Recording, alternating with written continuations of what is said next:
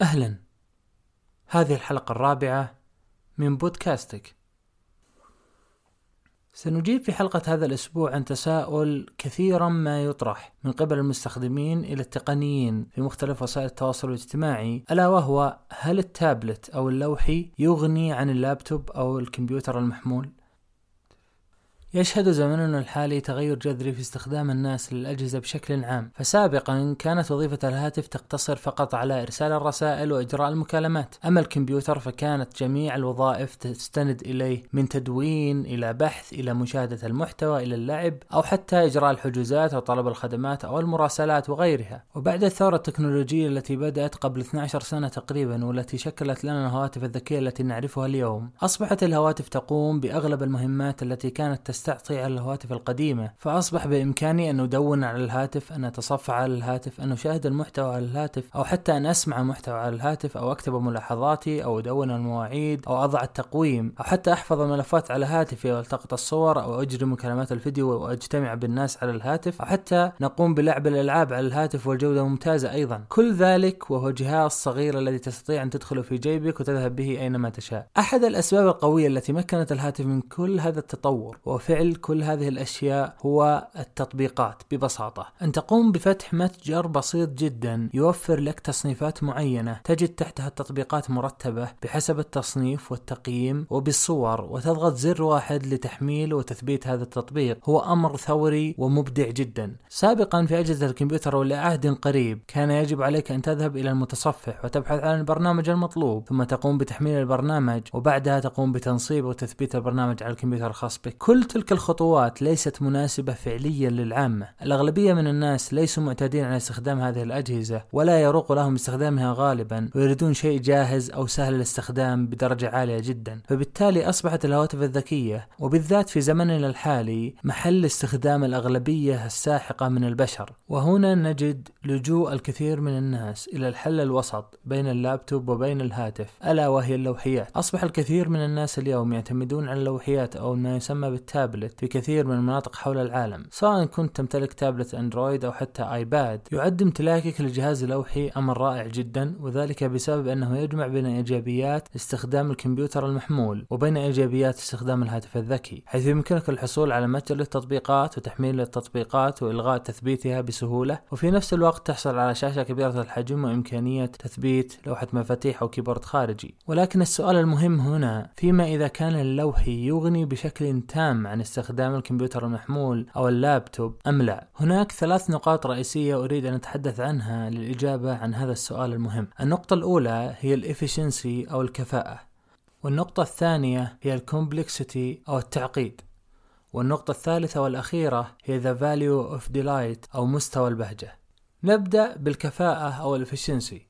ماذا نعني بالكفاءة؟ أنسب تعريف لموضوعنا وجدته للكفاءة هو تقليل الوقت ما بين الفكرة وتنفيذ الفعل، فمثلا لو قمت بإعطاء محمد وأحمد نفس المهمة، وأحمد يمتلك جهاز لوحي فيما محمد يملك كمبيوتر محمول، من سيقوم بأداء المهمة بشكل أسرع؟ محمد أم أحمد؟ هنا تأتي الكفاءة، وذلك بسبب أن تجربة المستخدم مختلفة تماما في اللوحي عن الكمبيوتر المحمول، فمثلا في الكمبيوتر المحمول أو اللابتوب تستطيع أن تعمل drag أو drop أو حمل وإسقاط للملفات في ملفات أخرى أو حتى copy أو paste أو نسخ ولصق بسهولة تامة. أسهل بكثير من الأجهزة اللوحية حتى لو امتلكت keyboard أو لوحة مفاتيح. هذا لا يعني عدم الكفاءة في اللوحيات ولكن الأكيد أنها أقل كفاءة من الكمبيوترات المحمولة عند استخدام نفس الشخص وليس شخصين مختلفين. وذلك لأن مقارنتنا يجب أن تكون عادلة فبالتالي يجب أن يكون نفس الشخص المستخدم للوحي. بارع جدا في استخدام اللوحي. في نفس الوقت يجب أن يكون الشخص المستخدم للكمبيوتر المحمول بارع جدا في استخدامه وهنا نقيم مقارنة عادلة فعلا. أضف إلى ذلك أن المستخدم نفسه هو من يقيم مدى أهمية هذه الزيادة في الكفاءة. فمثلا هناك أشخاص يقضون ما يقارب من خمس إلى سبع ساعات يوميا أمام شاشة الكمبيوتر وأمام أغراض للإنتاجية والأعمال. وهؤلاء الأشخاص غالبا حريصون جدا على توفير كل ثانية أثناء العمل ويستخدمون عدة أدوات مثل اختصار لوحة المفاتيح والامتداد الآلي للجمل عبر الضغط على زر تاب مثلا وعلى بعض البرامج الأخرى المتوفرة. متوفرة على أنظمة التشغيل المختلفة وهؤلاء فعلا هم من يقدرون هذا النوع من الكفاءة. أما إن كنت ممن لا يستخدم جهاز الكمبيوتر بشكل كبير مثل الأشخاص الذين يقضون الغالبية من وقتهم على هواتفهم ويستخدم الكمبيوتر فقط لكتابة واجب أو مقال أو صناعة بحث أو حتى مشاهدة نتفليكس أحيانا فلن تلاحظ الفرق بين التابلت واللابتوب وأنصحك فعلا باقتناء جهاز لوحي وذلك لأنه الأنسب لاستخدامك.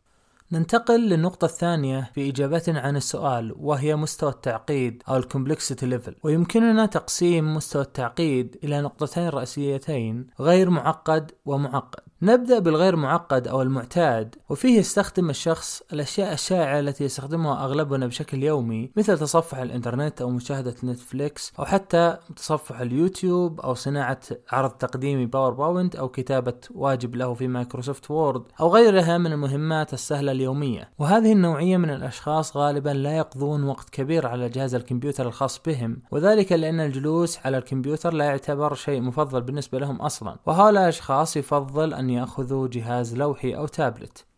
في المقابل في النقطة الثانية نجد أن أصحاب الأسلوب المعقد يستخدمون أجهزة الكمبيوتر لوظائف ومهمات صعبة ومعقدة نوعا ما مثل تعديل الفيديو والتصميم وتطوير المواقع أو البرمجة أو تعديل الصوتيات أو حتى اللعب الاحترافي. نعم تستطيع فعل أغلب هذه الأشياء باستعمال التابلت أو اللوحي ولكن بصعوبة وذلك لأن خصائص البرامج أقل في اللوحي عن اللابتوب وذلك أيضا بسبب عدم وجود منافذ متنوعة لتوصيل الأدوات اللازمة أحيانا على اللوحي لذلك يجب أن تقتني المزيد من القطع أحيانا. أضف إلى ذلك أنك تسبح عكس التيار. فأجهزة الكمبيوتر مؤهلة بشكل قوي لهذه المهمات على العكس تماما من الأجهزة اللوحية. كما يمكن توضيح هذه النقطة بإعطاء مثال بسيط على التطبيقات والبرامج التي تناسب اللوحي والتطبيقات والبرامج التي تناسب اللابتوب أو الجهاز الكمبيوتر بشكل أكبر. فمثلا عند رغبتك في استخدام إنستغرام مثلا أو سناب شات فالأفضل هو استخدام اللوحي وذلك بسبب أن التطبيق يتناسب مع النظام بشكل أكبر ويسهل يسهل استخدامه عليك. فيما إذا كان استخدامك مثلا ل Microsoft Office أو مثلا تعديل الفيديوهات أو حتى لعب الألعاب فغالبا الكمبيوتر سيؤدي الغرض بشكل أفضل وأكثر كفاءة.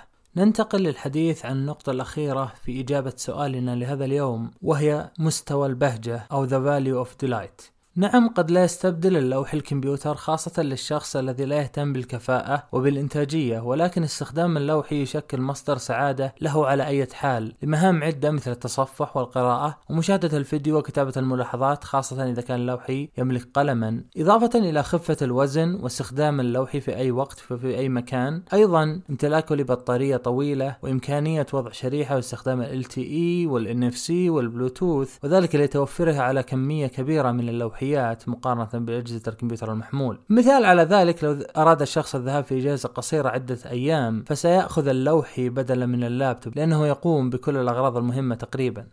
في النهاية لو أردنا أن نضع ملخصا لإجابة هذا السؤال إن كنت تهتم كثيرا بالكفاءة ومستوى تعقيد المهمات عالي بالنسبة لك يجب أن تمتلك لابتوب أو كمبيوتر شخصي على الأقل ولا مانع من اقتنائك لجهاز لوحي. ولكن إذا كان استخدامك لللابتوب ثانوي وقليل والمهمات التي تقوم فيها غالبا بسيطة فأنصحك باقتناء لوحي بدلا من اللابتوب.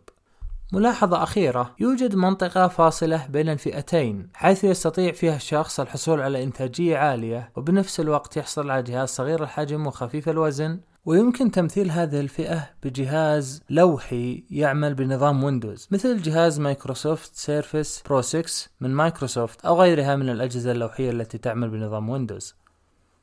بعد إجابتنا على هذا السؤال أتمنى أنكم استفدتم واستمتعتم وأما الآن فننتقل لأخبار التقنية لهذا الأسبوع. الخبر الأول معنا اليوم وهو أهم خبر بالنسبة لي على الأقل أنه شركة موتورولا أعلنت أخيرا عن هاتفها القابل للطي ريزر. هذا الهاتف طبعا صارت عليه تسريبات كثيرة في الفترة الماضية وهو هاتف من النوع اللي ينفتح ويقفل بالطريقة القديمة التقليدية لأجهزة موتورولا. طبعا آه، الهاتف بيبدأ البيع آه، بيعه في أمريكا في نهاية ديسمبر عند شركة فورايزن والبيع العالمي في شهر يناير 2020 آه، الهاتف يجي بشاشتين داخلية اللي هي كاملة اللي تنصفط OLED 6.2 إنش وخارجية للإشعارات وبعض التنبيهات آه، بحجم 2.7 إنش. المعالج Snapdragon 710 وهذا أمر مستغرب متوقع يجي بأعلى معالج. ال RAM 6 جيجا RAM تخزين 128 والكاميرا الخلفية اللي هي 16 ميجا بكسل فتحه عدسه 1.7 وكاميرا أمامية 5 ميجا بكسل وبطارية نوعا ما صغيرة 2500 ملي أمبير. آه الجهاز صراحة مع كل ما فيه من عيوب من ناحية ال hardware نوع معالج ليس الأقوى وليس الأحدث. آه 6 رام ليست أقوى ذاكرة عشوائية. آه بطارية ضعيفة نوعا ما. مع كل هذه العيوب إلا أني أجده أفضل فكرة هاتف قابل للطي أعلن عنها حتى الآن. أفضل من Galaxy Fold أفضل من ال Mate X الخاص بهواوي. لسبب لأنه عملي جدا إذا انصفط يصير صغير. فعلا فعلا تلاحظ فائدة والطريقة العملية اللي يستخدم فيها الجهاز إذا آه، طويت الشاشة. صحيح إن سعره عالي وتقريبا 1500 دولار ولكن مقارنة بالهواتف القابله للطي اللي اسعارها فوق ال 2000 دولار يعتبر السعر ليس بذاك الغلاء. طبعا مع مع تقدم الزمن ومع مع مرور الوقت بتنخفض الإسعار هذه حقت الهواتف القابله للطي بس حاليا بما أنه الهواتف القابله للطي معدودة طبيعي إنه الإسعار تكون عالية جدا لأنها تقنية جديدة. ننتقل للخبر الثاني معنا اليوم وجهاز هواوي القابل للطي Mate X 5G. آه طرحت هواوي الهاتف الخاص بها القابل للطي في الصين ونفذت الكمية في خلال ثواني وتنوي هواوي توفير كمية إضافية من الهاتف بتاريخ 22 نوفمبر الجاي يعني بعد أيام. آه طبعا الهاتف حاليا متواجد في الصين ما في خدمات جوجل بسبب المشكلة اللي بين هواوي وأمريكا أو الصين وأمريكا. آه نتمنى أنها تحل المشكلة وترجع هواوي لطرح أجهزتها العليا في مختلف الأسواق بالعالم العالم. طبعا هواوي ما زالت حتى الآن تتعرض لنفس المشكلة وهي افتقاده لحزمة جوجل للتطبيقات. الأندرويد صحيح مفتوح المصدر بس حتى الآن آه، تطبيقات جوجل لا يمكن تثبيتها على أجهزة هواوي.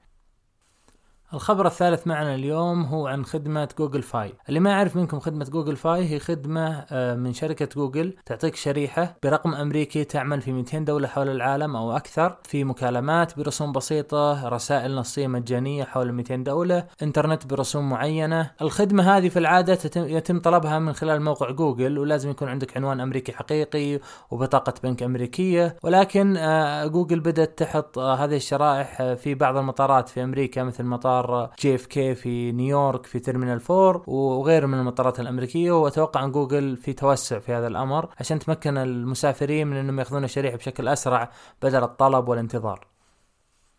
الخبر الرابع معنا اليوم هو إنه في مسؤولين في ولاية كاليفورنيا الأمريكية حذروا من محطات الشحن الخاصة بالأجهزة الذكية اللي غالبا ما تتواجد طبعا في الأماكن العامة مثل المطارات آه، في انها أحيانا تكون هذه المنافذ محملة ببرامج ضارة. طبعا مما يترك المستخدمين ضحية آه، لعملية احتيال أو يشكل أحيانا خطر على الحساب البنكي الموجود على الهاتف نفسه. فإذا كنت رايح المطار رايح المكان عام في منصة شحن عامة حاول إنك ما تستخدمه وتستخدم power bank اللي معك أو أي وسيلة ثانية ثانية يكون فيها بعيد عن الخطر.